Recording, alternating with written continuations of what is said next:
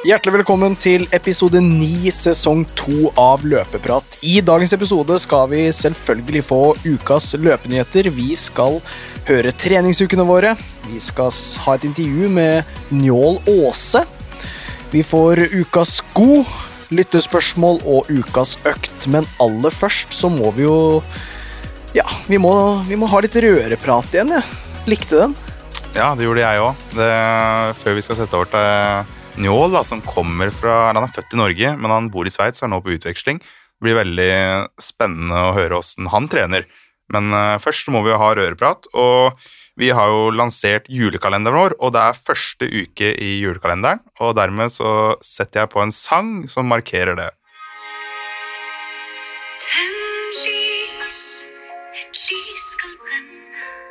Der var altså første lyset tent, og første konkurranse er ute. Det er eh, en, eller en, en treningsmodell fra Adidas. Den kan du vinne fortsatt. Det er vel to dager til når episoden kommer ut. Eh, Den avsluttes på søndag. Du må kommentere en favorittøkt eller tagge en du har lyst til å løpe med, eller begge deler, og så kan du være med i trekningen av den. Har du gjort det, eller? Nei, men jeg har fått alle rundt meg til å gjøre det, så nå skal jeg trekke Og da altså, har vi laga en deal da, på at jeg skal få de. Så det, er- det er rett og slett korrupsjon. her, det er det.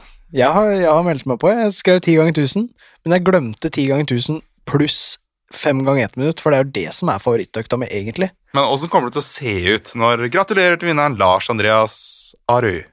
Da, da trekker vi på nytt. Gjør vi det? Hvorfor kommenterer du da? Nei, jeg vet ikke. Det er gøy å bare være med i fellesskapet. Det er helt gull da å ha en sånn konkurranse, for vi får jo så mange tips til ukas økt. Når vi skriver sånn til, altså skriv din favorittøkt. Ja. Så vi får jo så mye å velge mellom nå. Det Ja, jeg, jeg ser jo bare 1000-meteren, vet du. Jeg bryr meg ikke om det andre. Men det er veldig mange som er fan av 10 ganger 1000 eller 1000 meter, og det, det, det liker jeg. Det må jo være den mest eh, løpte intervallen i Norge. Ja, Men det er, det er veldig mye bra der. Ja, så folk må bare fortsette. Og jeg liker at folk skriver rolig langtur med podkast på øret. Det er, det er veldig mye kos. Ja, vi blir jo smått rørt vi når vi står med løpeprat på øret. da. Det varmer i sjela. Og den varmen den trenger jeg, fordi forrige uke så var jeg smått deprimert, var det ikke det? Av kulda. Og nå holder jeg på å fryse i hjel. Altså, jeg skulle gå Altså, jeg skulle på jobb, så gikk jeg ut i bilen, og det var så kaldt. Det må ha isa på innsida av ruta. Gikk jeg ut av bilen, da holdt jeg på å daue, for da blåste det i tillegg. Så det var jo sikkert et par og tjue effektive minus der, og overlevde så vidt, da. Så hadde det ikke vært for det, så hadde jo ikke jeg vært her i dag. Det hadde vært litt trist. Ja, vi, vi snakka jo forrige uke om uh, det å løpe inne på mølla, rolig. Er du nesten der at du går inn, eller? Åh, det sitter langt inne, men vet du hva? Jeg tror nesten jeg skulle tatt en rolig tur på mølla hvis jeg absolutt måtte hatt en rolig tur. Men igjen, da. Da er det bare å ta en intervall på mølla hvis man først må inn. Ja. Du kan ha masse intervaller i løpet av en uke så lenge det er eh, under kontrollerte omstendigheter, så det hadde nok blitt det. og det er så kaldt at jeg, jeg tror ikke det er bra å løpe i over 20 minus, så jeg, jeg var jo spente på meg skia nå. Jeg fikk jo nesten frostskader i trynet, for jeg var på en fotoshoot-modell, vet du. Sånn er livet. Sånn er livet. Og gikk på ski ned igjen, og jeg, jeg ble helt Altså, det svei i kinna mine. Ja, nei, det er bare å kle seg godt og ja, pakke seg inn. Har du, har du løpt ute nå? Jeg har løpt ute. Det er, eh, det er Ikke godt. Men eh, jeg løper jo bare rolig, da, så da går det liksom greit. Prøver å puste så mye jeg kan med nesa. Jeg vet ikke om det er, har noe effekt. Ah, du har ikke prøvd å teipe munnen ennå? Jeg har gjort det når jeg sover, jeg, men den teipen går opp hver natt. Ja, ikke sant? Jeg ligger og gaper og higer etter luft. Ja, nei, jeg, Så svære lunger. jeg tror ikke jeg skal prøve det på, på løpinga. Liker å puste med både munn og nesa. Ja, absolutt. Eh, Det høres ut som vi kanskje setter en eh, strek for røreprat nå, og så hopper vi over til litt løpeprat, ukas løpenyheter. Ukas løpenyheter, Mikkel. Der er jo du master of disaster, kan vel kanskje ikke si det, men du er eh, sjefen. Jeg styrer skuta, og i eh, denne episoden så skal vi ta båten til eh, Japan og Fukuoka maraton. Der har Sondre Nordstad Moen løpt. Vi gjetta tida forrige uke. Den skal jeg så ærlig si at den gadd jeg ikke å skrive ned, så den husker jeg ikke. Men jeg vet at Morten ikke var så veldig langt unna. Var det ikke bare seks sekunder, nesten? da? Jo, det var noe sånn. Sondre Nordstad Moen han løp eh, 2.07,16, hvis ikke jeg har sett feil. Og det er vel hans tredje beste tid, og hans beste løp siden 2019. Mm. Det er bare å applaudere. Jeg er Enig. kjempefornøyd. Eh, Det er godt å se han tilbake. Han legger virkelig ned en innsats og fortjener det skikkelig. Serey han eh, hadde vi òg trua på. Vi lurte på om han kom til å løpe i nye sko. Det gjorde han. Han eh, brøyt på 35 km. Hmm. Det, hva sier vi om det? Jeg, dere hadde jo mer trua på Serey enn Sondre. Men jeg, jeg hadde en knapp på Sondre. Jeg sa jo at begge kom til å løpe mellom 2.05 og 2.08, var det ikke? Så Det er jeg, dumt, dette. ja, jeg traff jo veldig godt på Sondre. Ja, du er helt rå. Men uh, Serey, der bomma jeg bomma grovt. Ja, det er litt fælt å tippe at folk skal bryte, da, for vi ønsker jo ikke det. Men uh, det var vel åpenbart noe trøbbel, og vi veit jo at Serey har et eh, enormt potensial, så han er nok uh, tilbake og er kvalifisert for OL på maraton. Mm. Så det blir spennende å se hva han kan få til framover. Det var også maraton i Spania. I Valencia, der har du vært og løpt. Du har løpt maraton. Valencia. Jeg har løpt 10 km der. Hva Si, syns du om, eh, hva syns du om den løypa? Vakkert høre gjennom eh, hele løypa. Vamos, vamos, vamos. Så du vil jo bare løpe fort. Men eh, ja, starten litt sånn kinkig, for du løper mye i kø, føler jeg. Men selve løypa og løpet, god temperatur, ja, masse folk. Bare bra. Mm. Rask løype. Vi eh, hadde jo en eh, kanontid der, da. Eh, Lemma med 2.01,48. Den fjerde raskeste maratontiden gjennom alle tider. Og DGF for damene med 2.15,51. Litt uh, lenger bak, men uh, meget gode løp. Og så hadde vi også verdensrekordholdet på 5000 meter og 10 000 meter. uh, Joshua Cheptegei. Eh, jeg var jo kjempespent. Det var jo, løpet var jo rigga for ham, for det er jo et Team NN-løp. Han blei båret ut av målområdet, han. Han så mer sliten ut enn eh, ja, hva skal jeg si, meg etter Blefelds beste, og det, det skal mye til. 2.08,59 er fasit. Det gikk på fire blankt siste to kilometerne her, og virkelig smellen for Cheptegay. Det er nesten så det er litt godt å se at sånn som han også er menneskelig og kan gå på en smell, fordi det viser seg nå at eh, gang på gang at maratondistansen, den, eh, den er ikke like lett å takle. Nei, selv om du har eh, verdensrekord på 5000 og 10 000, så betyr det ikke at du eh, kan slå til med verdensrekord på maraton nå. Det er en brutal distanse. Litt kortere skal de løpe i EM terrengløp uh, til helga, er det ikke det? 10. desember. Da er det dukt for EM terrengløp. Vi har et eh, meget spennende lag. Uh, gidder ikke å ta alt der, jeg tenker heller snakke litt mer om det etterpå, men uh, det er bare å ønske de løperne som skal dit, lykke til, og jeg skal benke meg foran TV-skjermen. Jeg tror du sa du skulle benkpresse deg foran, foran TV-skjermen, jeg nå. Uh, nei da, jeg skal, jeg skal sitte og kose meg, jeg. Jeg tenker vi skal opp og over til treningsukene våre, jeg.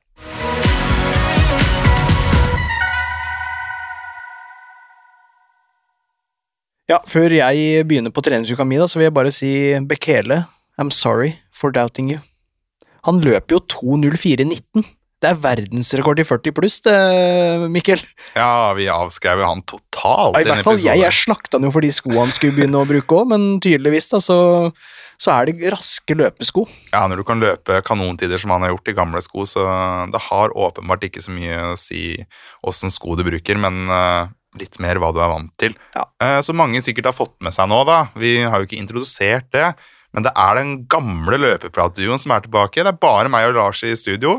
Morten han er i Rotterdam på et eh, Adidas-event, prøver noen forskjellige sko, men han har vært, som dere hørte forrige uke, og løpt oppe på låvefesten, og han har spilt en liten videosnutt, eller videosnutt, en lydfil, han har jo ikke stått med kamera, eh, som vi rett og slett kan spille av nå, og høre åssen det gikk.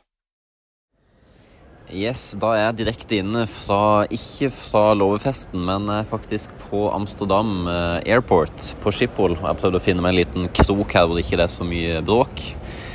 Eh, litt kluss med lydopptak og sånn, som ble liggende hjemme i Oslo mens jeg dro på jobbreise til Amsterdam så, og Rotterdam, så da ble det litt sånn her. Men eh, tida har gått, jeg har løpt 3000. Og eh, jeg dro opp på eh, Hem, som det heter. Nei, det er oppe på Jessheim i hvert fall. I, nei, det er ikke på Jessheim engang. Oppi der. Eh, og løp Låvefesten, 3000 meter. Kom opp. Eh, hadde liksom hele dagen kjent på meg at det var noe som murra, men så hadde jeg bare lyvt meg sjøl hele dagen og sagt sånn nei, det er bare innbilning, skjerp deg, kom igjen, kom deg opp og løp. Kjent på oppvarminga, det var liksom ok. Men jeg ble aldri nervøs, fikk aldri noe spenning i kroppen. Eh, var rett og slett bare litt off, men jeg tenkte eh, skjerp deg, liksom, kom igjen. Eh, det siste løpet for i år, gi alt du har nå. Og vi var tre stykker som stilte på start. Vi var på veldig forskjellig nivå, alle tre, så alle løp solo hele løpet. Men eh, startskuddet går i hvert fall, og passerer det første 1000 på ca. tre blankt, tror jeg. Så det er jo på skjema, men jeg kjenner bare at eh, kroppen er helt sånn plombert, nesten. Jeg, har ikke noe spenning, jeg har ikke noe ork til å gidde å grave ned i kjelleren, som du er helt avhengig av på en 3000 meter. Så jeg gir det egentlig opp før jeg har passert 1000 meter òg. Da jeg passerte 1000, så var jeg litt sånn Jøss, se på skjemaet, ja. Eh, og jogge meg i mål eh, inn på 9.26. Eh, og en litt følelse Det som er kjipt med det, er jo at jeg føler ikke Jeg er ikke i nærheten av å orke å gå i kjelleren. Det er som en tung terskeløkt, på en måte. Drar hjem på bilen i bilturen på vei hjem, så kjenner jeg at jeg begynner å harke og hoste, og det er liksom noe i halsen som ikke vil opp, nesten. Det er sånn skikkelig rusk og sagspor i halsen som bare har sittet i nå. Nå som jeg spiller inn, er det jo torsdag dagen før episoden skal ut, så Og jeg løp nå helga som var, så det har sittet i en god stund, altså. Jeg sitter heldigvis ikke sånn dypt nedi lungene, men jeg hadde litt lett feber på søndagen, og det var nok et eller annet som satt i kroppen. Eh, og det syns jeg egentlig var fint, sett i ettertid. At eh, det var noe som skurra. For jeg klarte ikke å pushe verken mentalt, fysisk, eh, i det hele tatt. Eh, utrolig kjedelig, for jeg har gjort min beste trening de siste ukene. egentlig Siden hele oktober og hele november. Det har vært plettfritt. Det har vært helt perfekt. Har, jeg har tatt nye steg på terskeløkter, på litt raskere økter. Volum er høyere enn aldri før. Så utrolig kjedelig. Men uh, sånn er, sånn er det. Og det er den klisjeen at eh, når man får noen eh, smell i fleisen, så er det ekstra deilig når det lykkes. Så og Låvefesten var ikke akkurat mitt A-løp for sesongen. Det var jo det minst viktige løpet, men eh, Så det var jo hell i uhell sånn sett at eh, da det går skeis. Det kunne skjedd i Berlin. Det kunne skjedd på Ti for Grete. Det kunne skjedd på Boyston Memorial da jeg passa på 5000, så jeg har eh, hatt flaks så langt i år, så jeg skal ikke grave meg ned med litt sykdom en ukes tid. Så nå skal jeg bare smøre meg med litt tålmodighet. Jeg har jogga rolig egentlig hele uka som er nå, hvis dere er inne på Strava og ser. Så har det ikke vært noe intervaller siden eh, før låvefesten, og låve- låvefesten er jo en hard økt. Så nå er det bare å jogge og prøve å kose seg litt. og ikke pushe kroppen som er litt sånn halvveis, men eh, jeg syns det er deilig å ta seg en løpetur uansett. Så lenge ikke jeg kjenner at det plager systemet, så har det gått fint å jogge så langt. Men jeg skal ikke skal ikke pushe kroppen noe mer nødvendig de kommende dagene. Så det var ikke sånn her jeg håpte å rapportere inn eh, løpet mitt, men eh, det var sånn det gikk. Og eh, tok jo med meg en innendørspass uansett. Eh, jeg løp jo på 9,45 i januar på samme banen i, i år. Og løper nå 9,26 på en forferdelig dårlig dag. Så jeg kan trøste meg med at bunnivået er ganske høyt, selv om jeg var jo langt under persen min, som jeg har eh, satt i sommer utendørs på 9,04. Så målet var 8,59. Det gikk i dass, men eh, det er det som er greia med å sette seg litt mål, det er at eh, man skal ikke lykkes med alt med en gang heller. Man skal jobbe litt for det da. Og kroppen var ikke på lag. Så eh, det er egentlig statusrapport nå. Nå sitter jeg på Amsterdam eh, Airport og skal prøve å komme hjem til Oslo. Så skal jeg inn på mølla, tror jeg. Det rapporteres om litt dårlige forhold nå hjemme, så det anbefaler jeg alle andre å gjøre da. Nå som det er litt ekkelt å løpe ute hvis det er glatt og sleipt. Du kan fint ta deg en rolig tur. Langturen kan du ta ute. Alt utenom eh, fart. Det er så kjedelig. Det kan ikke bare at du skal falle, men det er så fort å få strekk i hamstring. og Det er stor risk i det, så velg, velg det trygge når du skal gjøre intervallet nå framover. Og så kan man heller kose seg ute i naturen eh, og løpe rolig og kontrollert. Og eh, skaff deg gode sko, som vi har snakka om. Og eh, nå er det ikke så lenge til jeg må gå mot gaten, og jeg håper dere er OK fornøyd med rapporten fra meg, Lars og Mikkel. Så satser på at jeg er tilbake frisk og rask og med masse energi om en uke. Da har uh, vi hørt Morten, som har vært og løpt 3000 meter. Rest in peace, Morten. Det gikk jo ikke så kjempebra, det. Nei da. Det, alle har uh, dårlige dager. Jeg syns det var et bra løp. Det var jo pers med veldig mange sekunder. Har jo forbedra seg mye siden han var der i fjor. Og hva sier du, Lars? Bra løp? Absolutt. Jeg, selvfølgelig, jeg trigga han jo litt til å komme under den der eh, ni-grensa, men selvfølgelig, det skal gjøres. Det er ikke bare en jogg. Nei, vi er ikke så, er ikke så gode til å tippe. Det kan vi vel øh, være så ærlig å si. Ja, jeg er ganske god, da, når jeg, når jeg tar de der store marginene mine, men uh, Morten så hadde jeg tippa Jeg sa jo 9.01 bare for å trigge den, men innerst inne så var det 8.59. Men det var det. Men du kunne jo sagt sånn åtte til ti minutter, tipper jeg. Og så vært helt bankers, men nei da. Det, det blir spennende å se. Han kommer nok over den der øh, lille fartshumpa der, og så får vi nok se han under ni uh, etter hvert. Men jeg tenker vi kan hoppe over til våre treningsuker. Ja. Eh, du har jo trent, Lars, som vanlig. Ja, jeg har jo trent lite grann. Det var jo Jeg starta med ti km rolig, og det var jo etter sju dager uten noe løping. Mm. Nok en gang, altså, Mikkel. Ja, det skal ingen ende ta de der problemene dine, Lars. Det, det er bare å forvente hver uke. Det er bare å innse nå at det blir én uke på, én uke av. Ja. Litt sånn turnus. On off. On-off. Ja, på tirsdag så løp jeg fem ganger tre to én minutter. 60 sekunder pause på mølla. Og her følte jeg meg veldig bra. Løp i Soccony Triumph 4. Har du hørt om den, eller? Ja, jeg tror kanskje mamma hadde den som sin første sko i 1990, kanskje? Med andre ord, ingen karbonplate. Den er, eh, ja, hva skal man si, det er vel ikke en eh, konkurransesko eller en eh, treningssko. Det er vel mer sånn, ja, det er jo en treningssko selvfølgelig, men en mer mengdesko enn fartssko, da. Det er vel en del som har den uh, Triumph-modellen, og den er vel i 21. versjon nå, eller et eller annet. Ja, stemmer. Så det er et par versjoner. Det er et par versjoner, og da løper jeg på treminutterne på 17,1, 3,30. Uh, Tominutterne på 17,5, eh, det er vel 3,25 cirka. Og ettminutterne på 18,0 med 60 sekunder pause på 10,0. Det er jo imponerende når du kommer rett fra sjukdom og tull. Ja, det, jeg følte meg veldig bra, men dagen etterpå Veldig støl i leggene mine. Det er liksom, Man blir ikke så støl når man bruker de der gode dempa skoa, men med de skoa her så måtte jeg rett og slett ta hviledag, altså. For jeg, jeg, Det er sjukt. jeg orka ikke løpe fordi de var så stive. Yes. Så på torsdag så tok jeg en liten comeback. Kjørte 20 km. Eh, ganske kontrollert og rolig. Eh, var kaldt, men følte meg bra, så bare fortsatte. Og samme på fredag. Ferdig på jobb. Litt sliten i huet. Så logga 22 km på den økta der. Så back to back eh, eh, semilangtur. Det er noen som liker å bruke det uttrykket. Eh, og så på lørdag så løper jeg 12 km. Eh, planen der da var egentlig å løpe 20 en gang til, men tiden strakk ikke til, dessverre. Så da, sånn er det når man er familiefar, så må man bare løpe det man rekker. Harde kår. Harde kår. Eh, søndag, da ble det hvile. Da var også planen å løpe, men igjen, familiefar. Var aleine med guttungen. Iskaldt ute, kunne ikke ha mann i vogn. Og det er ikke noe sånn derre tredemølleløsning hvor du kan feste guttungen i en sånn vogn, og så følger han etter på mølla eller et eller annet. Men det kanskje noen som hører på, finner opp nå. Eller hva tenker du? Er det dårlig idé? Nei, det er jo absolutt en idé. Om man Med- er god, det veit jeg ikke. Men Med en iPad eh, ja, festa et, et, en eller annen plass, så at eh, guttungen eller jentungen har noe å se på. Mm. Vi ble til sammen 80 km denne uka, så etter sju dager hvile så er 80 veldig innafor. Et respektabelt uh, volum og en Det, har- eh, det har blitt det for meg nå, men tidligere så hadde jeg sagt eh, nei! Du ikke har løpt. ja, men det føles jo ikke ut som at jeg løper så mye lenger. Det var liksom Hvis du var i nærheten av mine tidligere treningsuker, da, som var sånn rundt 80-90, kanskje opp i 100 km da, Ja. per uke, så var det sånn Herregud, nå har jeg ikke løpt i hele tatt. Ja. Sitter jeg der så fornøyd? Jeg har løpt 100 km en uke her. Ja, men nå har jeg, jeg har liksom skjønt og lært litt nå, så nå jeg sier jeg ikke sånn lenger. Nei. Prøver i hvert fall. Mm. Så nå er jeg veldig fornøyd. Så jeg er fornøyd hvis jeg får 15 Kilometer i uka. Kanskje litt mer enn 15, da. Men vi prøver å stabilisere oss på rundt 50 til 100. Ja.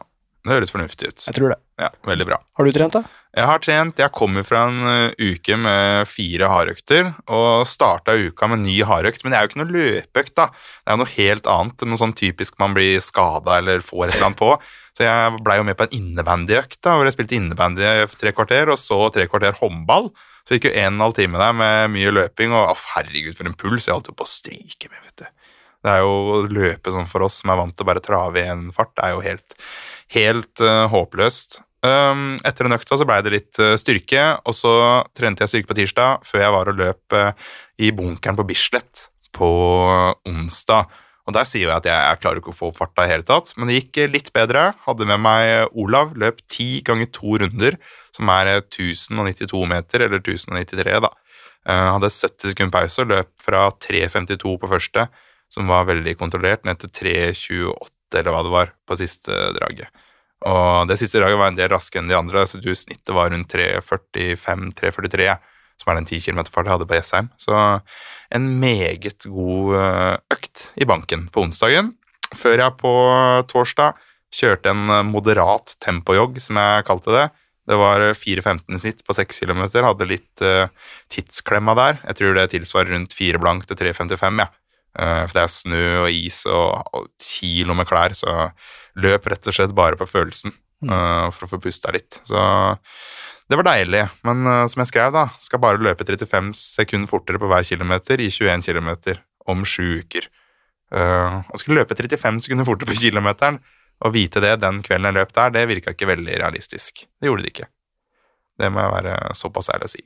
På fredag så hadde jeg en eh, styrkeøkt før jeg på lørdag kjørte en merkelig intervall. Altså, hva slags intervall er det der, da? Nei, den stussa jeg veldig på, så den må du bare utbrede for oss nå. Det her burde jo bli ukas økt i podden. Det er starter starte med en åtte minutter før jeg løper en tolv minutter, og to minutter, to minutter, ett minutt, ett minutt. så det er en total da, på 26 minutter dagtid, så det er jo ikke så gærent. Uh, men greia er, da, for alle de som lurer, for det er så klart veldig mange som lurer på hva som har foregått her, det er at uh, jeg tenkte jeg skulle løpe to ganger ti minutter.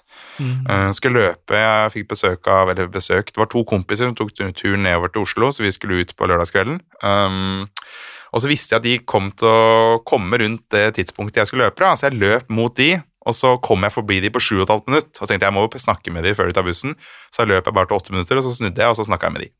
Ja. Det er greia. Og så skulle jeg jo ha 20 minutter med lange drag først, så ble det en 12 minutter. Det er det som er greia her. Spennende.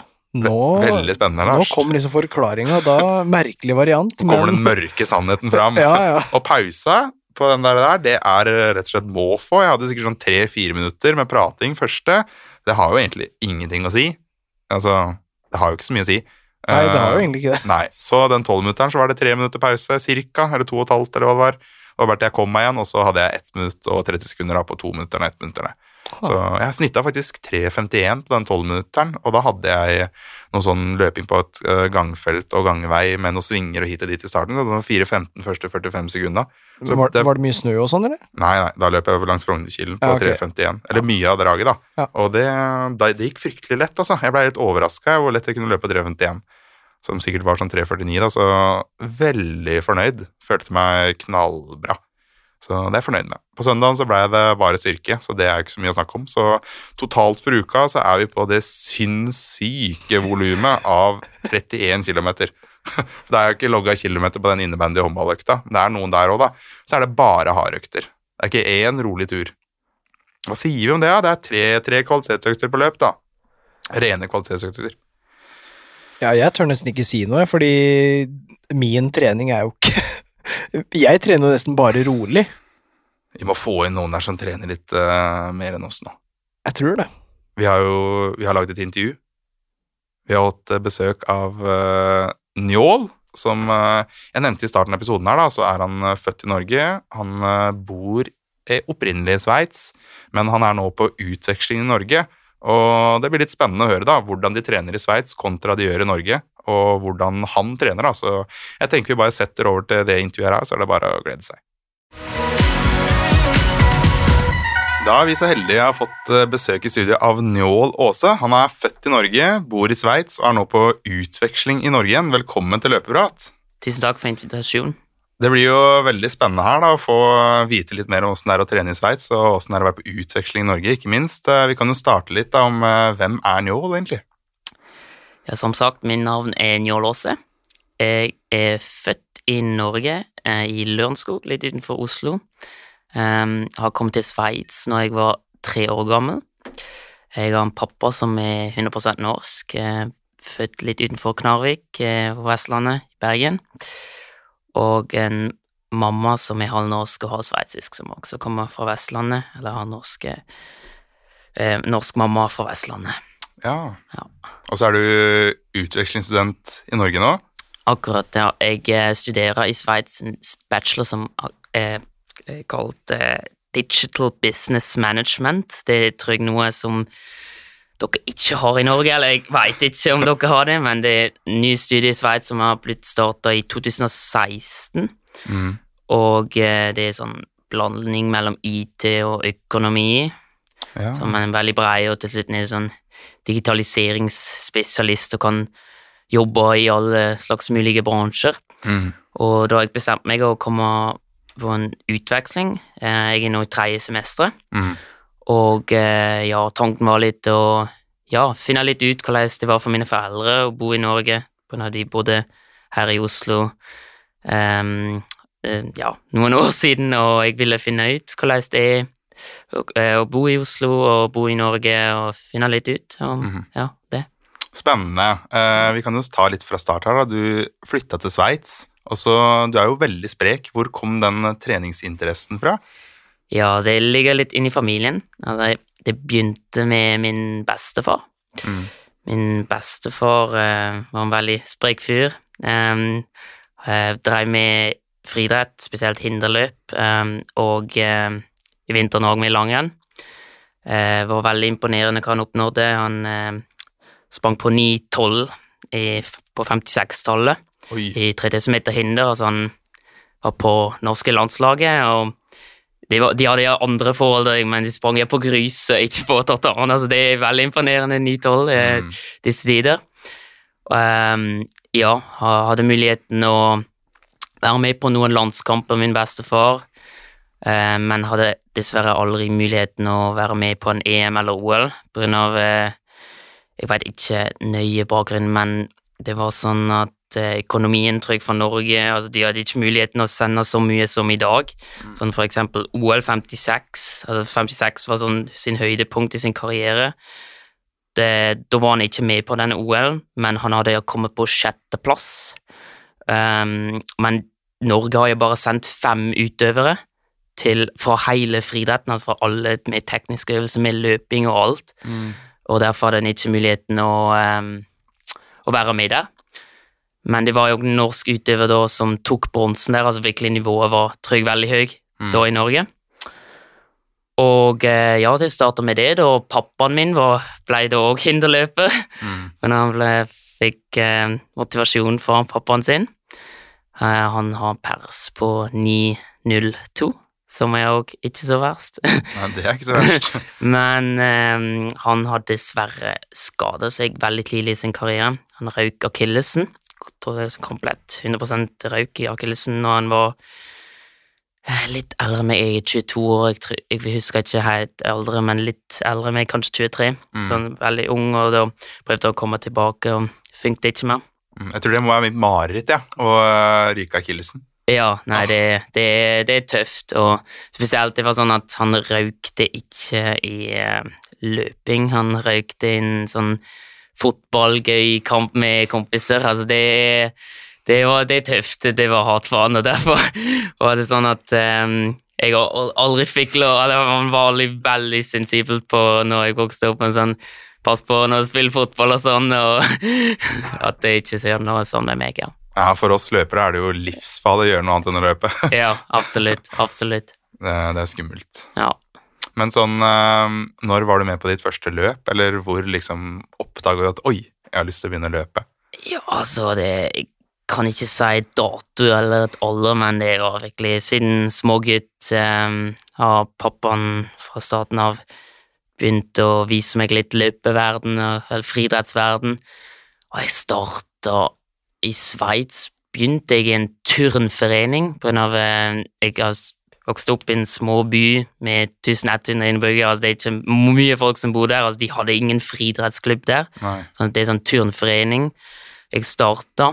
Um, og da tror jeg var kanskje første løpet mitt Begynte litt med sånn gateløp i Zürich. Um, og da begynte litt med step by step uh, komme litt inn i friidrettsverden. Hvor gammel var du da, når du var med på ditt første løp? Husker du det? Nei, jeg, jeg, jeg, jeg husker ikke, men det var vel hm. Ja, sju-åtte jeg Det var så tidlig, ja. Det var i hvert fall veldig tidlig. Ja, ja. Noe sånt. Jeg var virkelig veldig små gutt. og ja, egentlig begynte å løpe når jeg nesten ble født. Sånn. Mm. Men eh, du har løpt litt uh, 3000 hinder. Ja. Hvordan, eh, når startet du med hinder, eller når du fant ut at det skal du prøve? ja, så det lå ja litt sånn inn i familien at jeg eh, ville prøve meg på det også. Mm. det som var litt challengen for meg var, når jeg var ung Jeg eh, var ikke så, stor som bestefaren min og pappaen min. Jeg, eh, spesielt jeg var litt bak i voksen, eller noen år eh, behind i voksdommen som de andre, sånn at eh, det var ikke bare bare å springe i ung alder over disse 91 centimeter hindrene. Sånn at eh, Ja, jeg begynte når jeg var veldig ung. Um, vi konkurrerte De har jo ikke I Sveits sånn, de er veldig forsiktige med hinder. Eh, Jeg vet ikke hvordan det er her i Norge, men de er veldig forsiktige og sier at hinder er farlig og så. Altså, Du skal ikke begynne altfor tidlig med det. Nei. Men vi var litt sånn veldig offensivt. Vi begynte ganske tidlig med det, sånn at jeg konkurrerte sånn i U18-klassen, og jeg var mye, mye yngre for sånn sveitsisk mesterskap og sånn, men bare sånn for gøy å bli kjent med distansen. Og ja, da begynte jeg mer og mer å satse på det.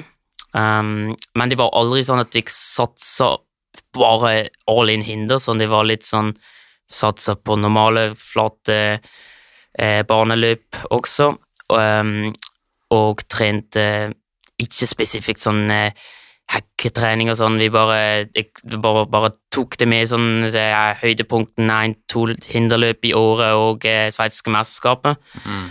Um, på grunn av der var det sånn at det var alltid ganske gode sjanser til å ta medalje på grunn av det er ikke samme dybden som en andre distanser.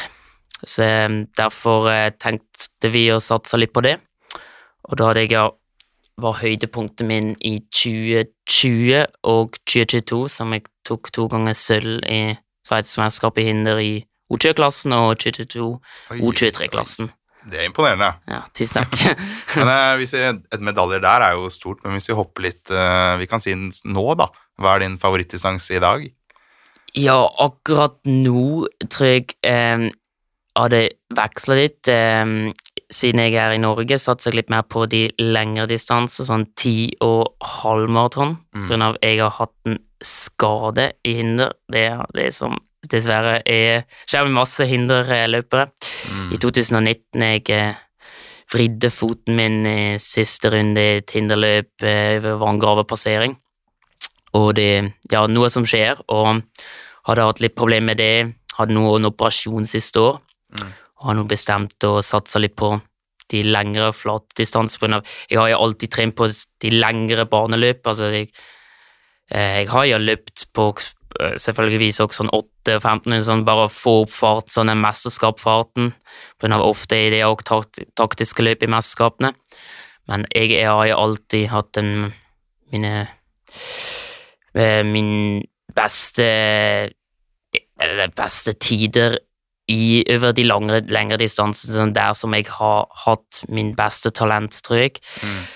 Og derfor, um, ja, kom jeg her til Norge, ble litt innført i den norske treningfilosofien med OSI, en studentforening som jeg fant over um, universitetet mitt og over SIO. Og da begynte jeg med ja, sånn norsk terskeltrening, og um, ja, begynte å satse litt på sånn de lengre, flotte ting. Mm. Nå har du jo nevnt at du løper en del forskjellige distanser. da. Hvilken av de løp er du mest fornøyd med? Og hva er den beste persen du har, eller den du setter høyest? da? Ja, altså, jeg tror med mine baneperser Jeg er jo ganske fornøyd med de, men de er jo et par år gamle av det har jeg, jeg har slett litt nå med denne skaden og sånn, og hadde ikke muligheten å trene alltid fullt. Derfor akkurat nå tror jeg egentlig jeg er veldig fornøyd med hva jeg oppnådd her i det halvåret i Norge. Altså, jeg har sprang på 32,25 på 10 000 meter, eller 10K, det er gatene på Hyttepalamina. Ja. Veldig fornøyd med det. Um, og har hatt et comeback på halvmaraton, eller ja, nesten et debut um, på halvmaraton på 1.13,26 i Jessheim i Ja. Kaldvær, sånn at jeg er egentlig ganske fornøyd med disse tider jeg har oppnådd nå, og med banetider. Jeg tror det bruker nå litt tid igjen å komme tilbake der. ehm, jeg tror bare spørsmål om tid og at jeg får disse tidene ned, men jeg har jo i min OSI trent nå veldig på disse lengre distansene, sånn at eh, har ikke ennå fått til i det halvåret og fått ned mine tider i 5K og sånn. 32,25, det lar seg jo virkelig gjøre. Det var jo nydelige forhold på hytteplanvilla, men 1,13 på Jessheim den dagen, det var jo snø og is og Ja. Hele pakka. Jeg var jo der. Den tida er det mye å gå på, så du, du må passe deg nå, Lars. 1.12,18, den, eh, den kan Det ryke her. ja, ja, men det Hjertelig velkommen. Det høres sånn ut som uh, det er mulighet for mye mer. Men du nevnte at du trener med SK Vidar og OSI. Ja. Det er litt den der uh, kjente norske modellen da, som alle trener nå, at det er veldig kontrollerte intervaller tirsdag, torsdag og Ja. ofte lørdag.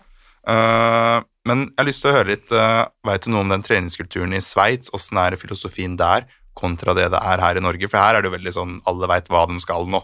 Det er én ting som fungerer. Ja. Er det noen andre tankeganger i Sveits? Ja, altså, selvfølgeligvis, vi driver òg med intervaller i Sveits, så det, det er òg um, samme filosofien der, men vi trener i Sveits, eller sveitsiske filosofien er litt mer sånn, jeg, samme som den amerikanske, sånn at det er mer på fart, altså, det er sånn, her terskeltreninger er med sånn du kan jo snakke sammen og nesefølelsen av å drikke kaffe mens intervallene. Eller, Sånn hadde jeg følelsen da jeg begynte her. Jeg var sånn, litt sånn sjokka når vi, når, um, vi drev med intervall i Sveits, sånn med kretstrening og visse ting, eller med juniorlandslag, sånn, er sånn at uh, du, kan ikke snakke mens intervall. Det er sånn at du er ikke all out, men du, det går jo Det er mer uh, høyere intensitet, sånn at det er en annen filosofi. Mm, så trenes eh, rett og slett hardere. Men er det da samme volum på intervallene der som det er her? Altså, er Nei, nei, volumet Altså, kanskje det kan jeg ikke snakke om alle utøvere, men vi har i hvert fall hatt et småere volum på intervallene, altså filosofi fra pappa og meg, Mm. um, enn det som vi har nå her på OSI-trening, eller SK Vidar Lang. Men jeg har jo ikke trent på at jeg har ikke hatt fokus på en halvmaraton eller noe sånt, sånn at vi har jo hatt en annen fokus mm. før jeg kom her. Vi ser jo, Det fungerer jo det de gjør i Sveits, fordi Julian Anders han er jo europarekord på halvmaraton, hele pakka. Ja. Så åpenbart så gjøres det noe riktig, da.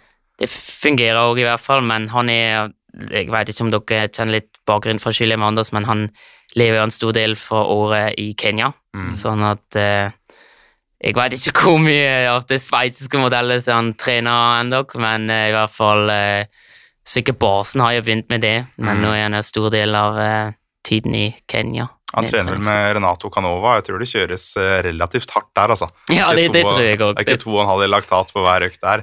Det tror jeg òg. Det tror jeg òg. Og stor treningsvolum, det tror jeg òg. Ja. Men når du har fått sammenligne de to forskjellige treningsmetodene, hvilken eh, foretrekker du? Skal du reise hjem nå til Sveits og si at eh, nei, jeg trener ikke sånn som dere lenger, jeg. Jeg har Ja. den norske modellen nå. Eller eh, går du tilbake til den, tror du? Mm, jeg tror um, det, det hadde jeg hatt å si, men jeg tror kanskje det blir vel en blanding. Mm. Men av jeg ehm, Ja, jeg syns det er en veldig fornuftig metode som man her har her i Norge med den terskeltrening, på grunn av det er sikkert noe som er òg med skadeproblemer, noe er sikkert noe som er bedre hvis man er litt i et lavere fartsnivå i treningen, da at man minimerer skaderisiko. Mm. Sånn at det tror jeg sikkert er noe som er veldig positivt, og jeg har vært veldig fornøyd med hva jeg oppnådde der, det funkte, ja. Men det som sikkert jeg mangler litt, eller fra det, som jeg husker nå fra det sveitsiske systemet, ehm, disse fartstreningene, det jeg, jeg personlig, det kan jeg bare snakke for meg, trenger det litt for å få ned tror disse tidene på de kortere Mm, distanser på grunn av eh, det er litt sånn eh, Ja, du, denne denne, ja, sprintkvaliteten eller sånn disse, spesielt i mesterskap, hvis det er ofte taktiske løp, siste meterne, det er sånn noe som man ja ikke trener så mye i tersktrening på av du bare går din rolige farten, som er sikkert kjempebra for sånn 10K halvmaraton, tror jeg er det perfekt jeg har trent i det siste halvåret. Mm.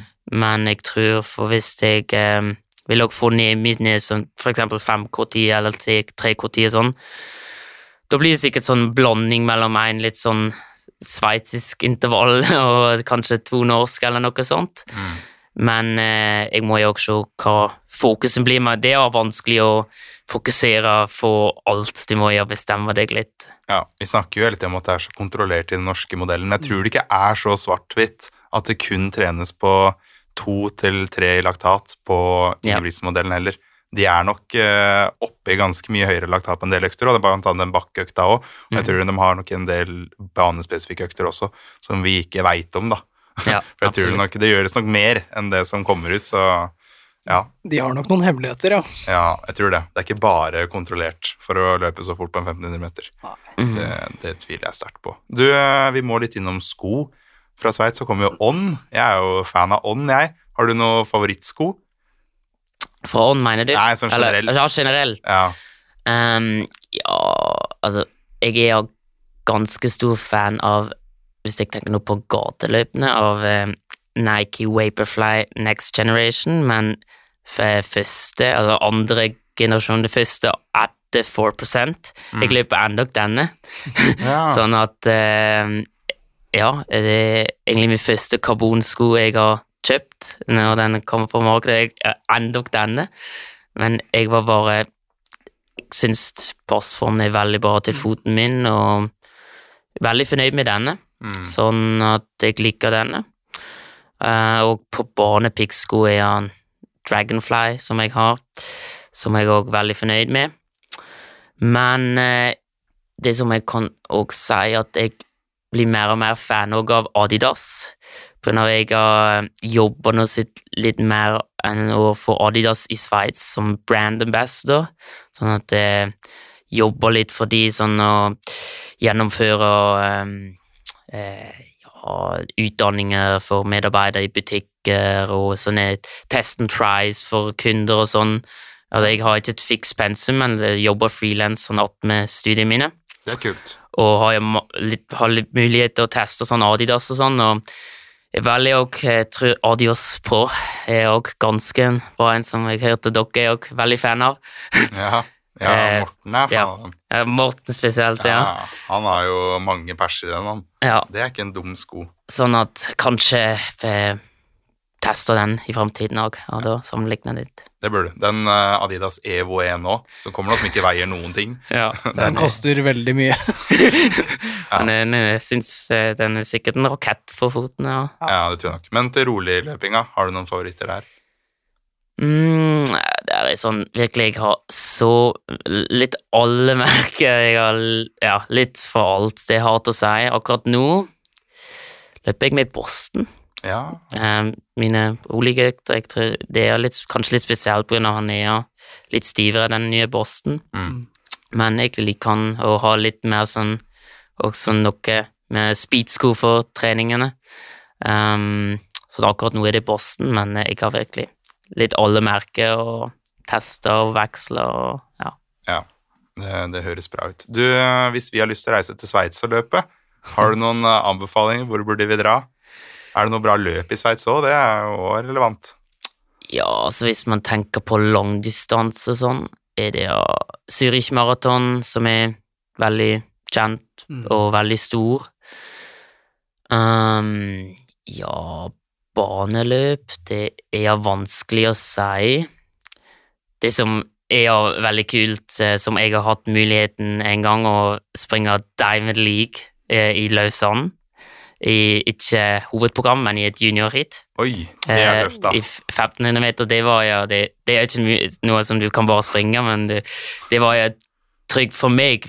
Det er kanskje største opplevelsen i livet som jeg hadde på et baneløp. På grunn av det var ganske seint på kvelden. Ikke fullt stadion, men nesten fullt stadion og sånn. og ehm, Det var en kjempekult opplevelse. Sånn at eh, sikkert hvis man vil se på god friidrettsstevne, ja, to Dime league-stevne, som vi vet. Det er veldig spesielt. Vi har to Dime league-stevne med Lausanne og Zürich.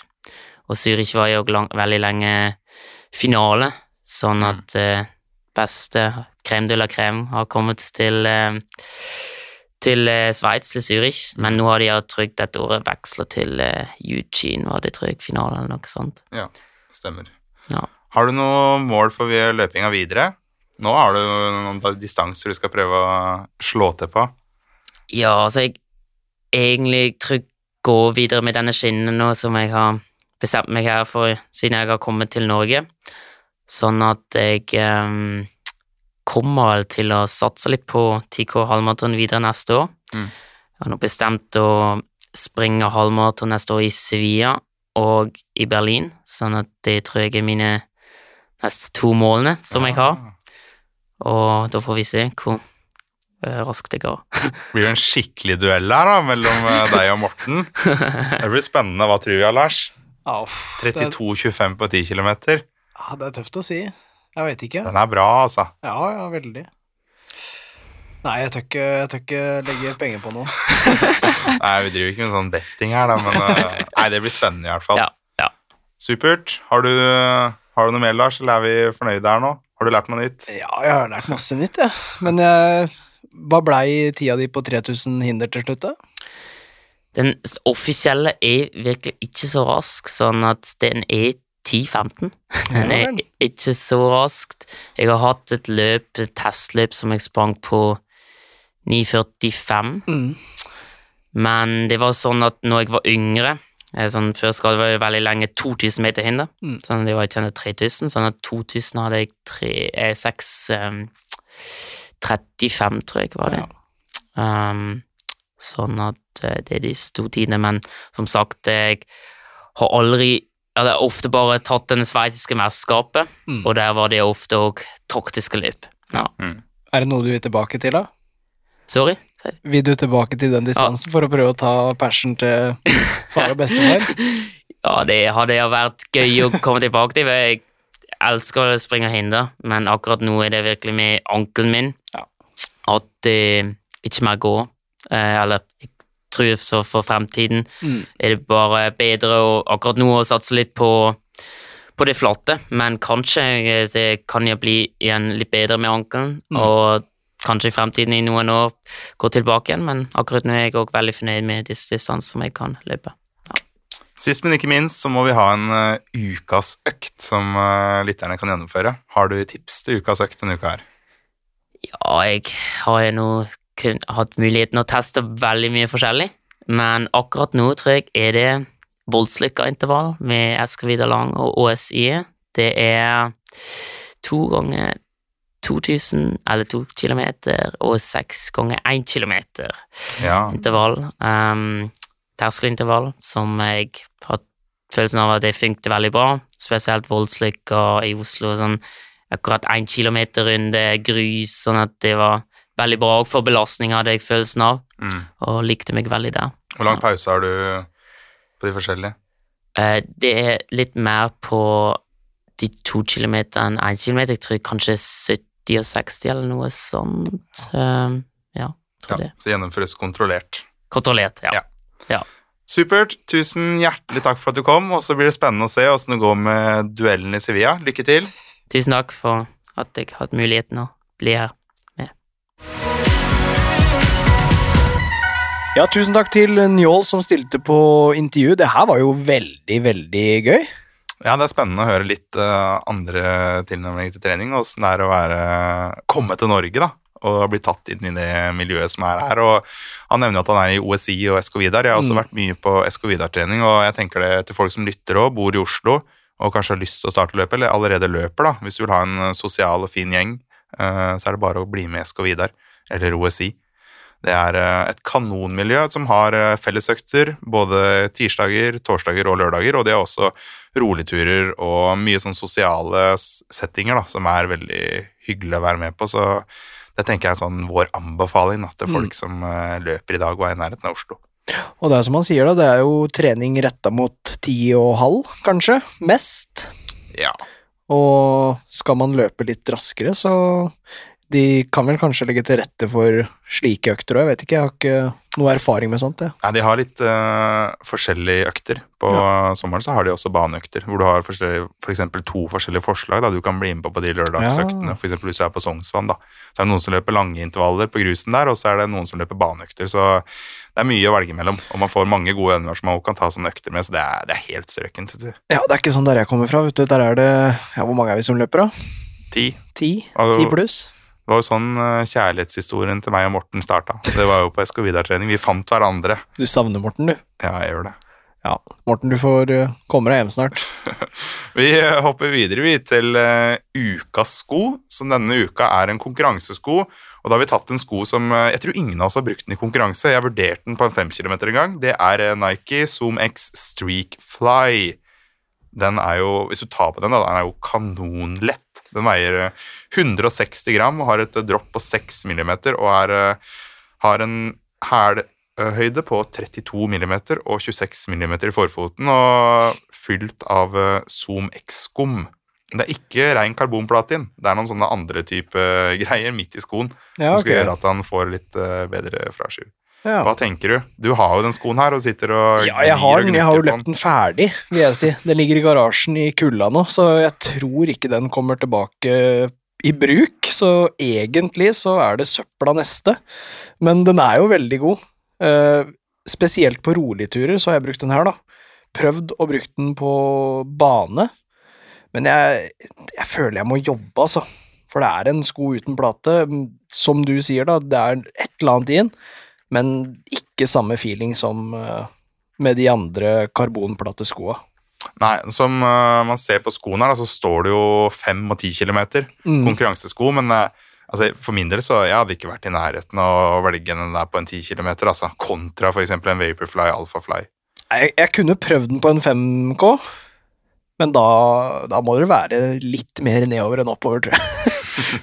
Jo, men ja, jeg har brukt den nå på baneøkter, på, Ja. jeg tenker sånn på korte intervaller, Ja, og på for så vidt på mølle også, brukt en del på motbakkeintervaller på mølle, så er den helt strøken, og også brukt den til rolige turer, men nå er den eh, pensjonert, for jeg fikk litt gnagsår av den, så den brukes på, nå på styrketrening, for den har ryket i hælen. Ja, Så da detter jeg av skum, så det må jo limes. Men det er jo litt tiltaksløs her, da, så det har jo ikke blitt gjort ennå. Men øh, nei, absolutt en god sko. Jeg øh, anbefaler den, jeg, til de som vil ha en sko som man må jobbe litt mer i. Og det kan jo være en helt utmerket intervallsko i en rotasjon, hvor du har f.eks. en Vaporfly som konkurransesko og en rolig treningssko, så er den her veldig fin på intervaller. Mm. Men uh, noe maratonsko, det er det vel ikke akkurat. Det er vel ikke det dere er lagd for heller. Nei, da hadde legga blitt kjørt, tror jeg. Jeg ser noen, uh, har sett noen bilder her, da. Blant annet hvis dere går inn på det utdrikningslaget til uh, Jakob Ingebrigtsen, så er det avbilda. De løp sånn beer mile, og der har Filip Ingebrigtsen på seg det som muligens er en ny streakfly. Oi. Så de lager noe nytt der, så det blir jo spennende å se hva som kommer. Ja, det hadde jo vært kjedelig hvis de bare avslutta med den der, for det er jo en veldig god og myk og fin og lett sko. Mm. Så- Hvis du får en plate inni den der, Ja. og får en litt annen stivhet på den, så har du plutselig en kanonsko. Så det er ikke så mye som skal til, og Nike de er jo kjent for å lage gode sko, så det kommer nok en ny versjon av den her, det gjør nok det. Eh, vi hopper over til eh, det som er lyttespørsmål i denne episoden her, og vi har fått inn eh, to, eller vi velger to spørsmål da. Det første er, hei, er det mulig å spørre om noen råd til varianter av løpesko man burde prøve? Bor nemlig i Kirkenes med svært begrensa utvalg. Nettshopping er neste mulighet. Ønsker en ny sko i samlingen som primært skal brukes på de rolige og lengre turene. Av sko jeg har fra før, er det Rocket X, Adios Pro og Deviate Elite Racer. Og hun vil gjerne ha god demping. og Først her da, så har du Rocket X, Adios Pro og Deviate Nitro Elite Racer. Da tenker jeg vi kan heller gå over på en sko uten plate, for det her er jo alle platesko Mm. som gir veldig mye igjen. Så kanskje en litt mer myk sko som har god stabilitet, og som er fin på de rolige turene. Tenker vi, Har du noen umiddelbare forslag? Jeg tror, jeg tror jeg må bare sende ballen til deg, for du er eh, skomasteren her. Jeg har ikke så mange sko som deg. Men du har jo en sko som jeg ville anbefalt, Saucony Triumph. Ja, jo da. Den er jo fin, den. Mm. Jeg liker den veldig godt. Stabil, fin, god demping, og Ja. i den kategorien så har du også en eh, Nike Invincible 3, som er meget god. Uh, ganske relativt, da. Brei og Den er, fin. den er det jo veldig god demping på. Ja, den er kanongod, så jeg tror kanskje der har du et av de safeste valga, hvis Ja. du spør meg. Og i den kategorien en Asics Gel Nimbus 26 har kommet nå. Kommet en ny variant av den, men eh, det er litt vanskelig da, når du skal bestille på nett og vite åssen størrelse du skal ha, men eh, Mm. det er jo mulig å returnere, da. Men eh, jeg tror der har du ganske tre safe valg, da. Altså Saucony Triumph 21. Ja, det, er ikke, det er ikke så mye demping i forhold til Invincible, men den er jo veldig stabil og god. og Asics Gel Nimbus 26. Det er våre tips, da. Ehm, vi har fått et spørsmål til. Uh, det her er jo egentlig veldig retta mot deg, Lars. Det er vel litt derfor jeg har tatt det, kanskje. Oi. Hva tenker dere uh, når du merker at kroppen butter imot på intervaller? Skal jeg da presse gjennom intervallen på lavere fart, løpe rolig eller bare bryte økta? Oi, Føler at dette ødelegger hele treningsdagen min. Den her, eh, den traff meg rett i hjertet. Jeg ble nesten litt sånn rørt Eller kanskje ikke rørt, men nei, Lei lei meg, ja. Det er jo sånn, det, jeg tror det er veldig mange som har kjent på det her, inkludert meg sjøl òg. Ja. At man føler seg skikkelig ja, rett og slett dritt da, i starten av intervallene. Og man hørte en så på, i det lange løp da, med Marius Bakken, han hadde rødt og grønt lys. Mm. Men igjen, da, da har du en ekstrem kontroll på kroppen. da. Ja. Men også, det kan òg overføres på oss mosjonister. Hvis du føler deg helt forferdelig, så tenker at det er mulig å dra litt i brekk her. Ja, men eh, du er jo den med mest erfaring her, så du kan jo kanskje prate. ja. Nei, tidligere så var jeg litt sånn Hvis ikke intervallen går, så løper jeg litt rolig. Men nå i senere tid, da, så har jeg begynt å bare stoppe helt. Bare knyte av meg sko og kaste de i frustrasjon, kanskje. Så jeg veit ikke hva som er det beste. Ja. Ta, det kommer jo litt an på da, hvordan du føler deg, og hvor, hvor det sitter. på en måte. Er det låra som blir steinpakka, så er det kanskje ikke vits å løpe rolig engang. Men er det fordi du er litt forkjøla, så kan det jo være greit å løpe sånn halvrolig. For å bli mer forkjøla, tenker du? Nja, kanskje. Jeg tror det kommer litt an på ja, du, du føler deg, men hvis du Ja. føler deg helt håpløs, så er det bare å få godt av den økta med en gang. Ja. Og så er det ofte mange som føler seg litt tunge etter en arbeidsdag. eh, kanskje tungt, altså du har ligget lenge på sofaen, du kan jo bli helt ja.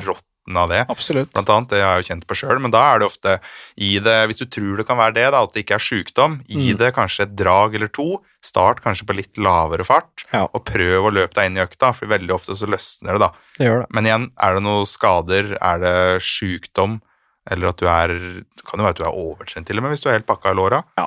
Så da er det bare å tenke jeg det er rødt lys, og Ja. hvis du absolutt må presse gjennom, da presse gjennom en rolig halvtime med jogg. Ja, jeg tror ikke man skal være redd for å ta hviledag, i hvert fall. Eller hviledager.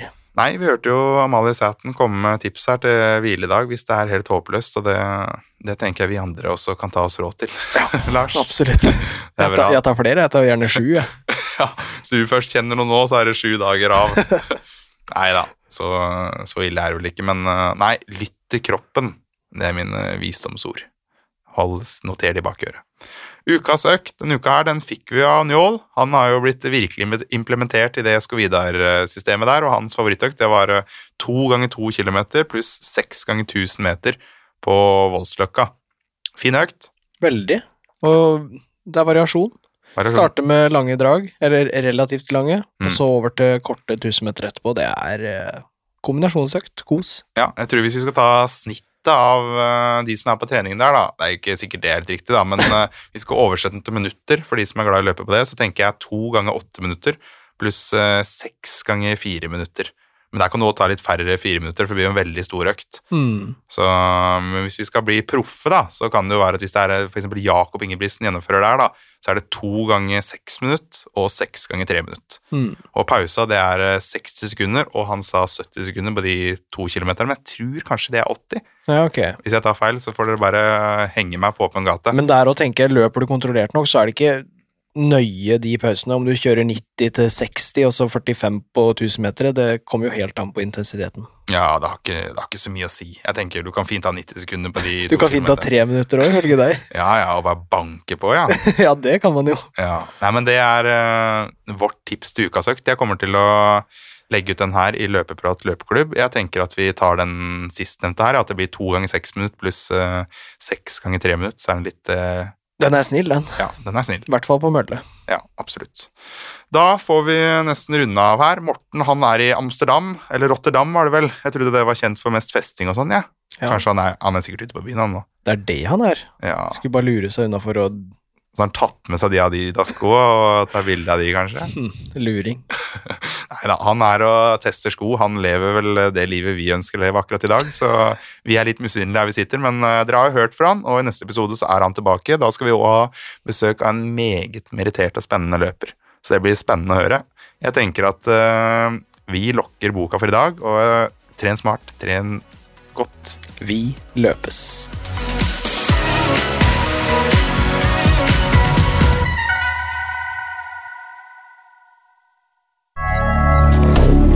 Moderne media.